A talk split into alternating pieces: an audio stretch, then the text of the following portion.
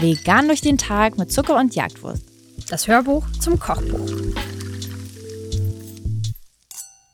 Das Bild zu diesem Rezept ist eins meiner liebsten im ganzen Kochbuch. Ich finde, es sieht so ein bisschen aus wie so eine wilde Landschaft. Oder wie so ein, wie so ein, als wäre man irgendwo ganz, ganz nah rangegangen und würde jetzt so die, ähm, den Strickpulli nahe sehen. Ich finde es auf jeden Fall, es ist ein ganz herrliches Bild. Man, wenn man nicht weiß, was es ist, braucht man vielleicht einen Moment, um zu verstehen, was das soll. Zum Glück steht es daneben. Na, ein Glück haben wir noch einen Titel dazu geschrieben. Es geht um knusprige, oder wie wir sie nennen, super knusprige Ofenkartoffeln mit veganem Sesamquark. Die eine oder andere Person hat vielleicht schon im Kochbuch festgestellt, dass ich versuche, Kartoffeln und Quark immer mal wieder reinzubringen, ohne tatsächlich die simpelste Version, aka gekochte Kartoffeln mit Quark, veganem Quark natürlich, hier in ein Kochbuch als Rezept zu packen. Auch hier findet ihr aber wieder die Kombination aus einer Kartoffel mit schon einem Quark-Dip. Ist aber alles ein bisschen abgewandelt, damit ich das sozusagen versteckt habe unter einem Deckmantel.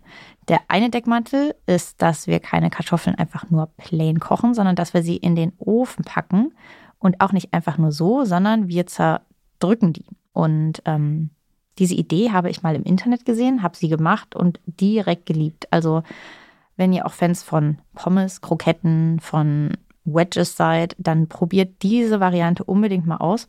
Ähm, die Kartoffeln werden erst gekocht und danach werden sie aber nochmal äh, in den Ofen geschoben.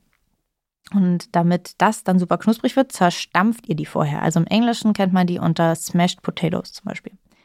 Ähm, zerstampfen könnt ihr die ehrlich gesagt, wie ihr wollt. Man, die sind noch heiß, natürlich, müsst ihr aufpassen. Nach dem äh, Kochen, ihr könnt eine Tasse dafür verwenden. Die würde ich aber ehrlich gesagt mit ein bisschen Öl unten einfetten, weil ich ansonsten die Kartoffel dran kleben bleibt. Ihr könnt aber auch nur eine Gabel benutzen. Ihr könntet einen Kartoffelstampfer benutzen. Oder. Die Faust. Einfach mal raufhauen. Einfach mal einen Frust rauslassen. ähm, wenn ihr auch ganz viel Kraft habt, könnt ihr tatsächlich. Mit dem Fuß. mit dem Kopf. Nein. Entschuldigung. Welche Körperteile fallen dir noch ein? ähm, Ihr könnt auch einfach die Kartoffeln auf das Blech packen, auf dem ihr sie dann auch in den Ofen schiebt. Ihr könnt ein zweites Blech drüber legen und dann alle auf einmal zerdrücken. Aber wie gesagt, dafür braucht ihr wirklich Kraft. Also ich kriege das leider nicht hin, aber es ist ein cooler Effekt und ihr hättet theoretisch alle auf einmal zerstampft. Es ist auch überhaupt nicht schlimm, wenn die zerbröseln. Ähm, also ihr werdet merken, da, man, das ist jetzt nicht immer, dass die einfach perfekt eingedrückt werden und that's it. Manchmal gehen die auch ein bisschen kaputt, manchmal geht dann ein kleines Stück ab, aber gerade diese Teile werden noch knuspriger. Das ist auch genauso wie, seht ihr als die ähm, Kartoffelchips in der Tüte, die so rund sind. Wisst ihr, diese so gefaltet sind? Die, die will man doch auch eigentlich immer am liebsten mhm. haben. Mhm. Und das sind sozusagen diese kleinen Stücken. Habt sie also lieb, seid da nicht zu hart zu euch und den Kartoffeln. Ähm, ich würde euch auf jeden Fall empfehlen, festkochende Kartoffeln für dieses Rezept zu nehmen, weil ansonsten zerfallen sie euch wirklich komplett, wenn ihr sie erst kocht und dann nochmal in den Ofen packt. Ich finde ehrlich gesagt, das ist eine tolle Variante, weil ihr euch auch ähm, das Schälen der Kartoffeln sparen könnt. Aber dafür backt man die ja nochmal. Also ich weiß nicht, ob der Zeit ob sich Kommt das lohnt. An. Manche aber, Menschen aber manchen, lange Und manche Schälen. vor allem ähm, mögen das ja gar nicht. Und manche da geht es gar nicht auch um die ja, beim Schälen. Richtig. Also ja, okay, versteh's. Manche Leute verbrennen sich auch im Ofen, aber Das sind vielleicht nicht die gleichen Leute.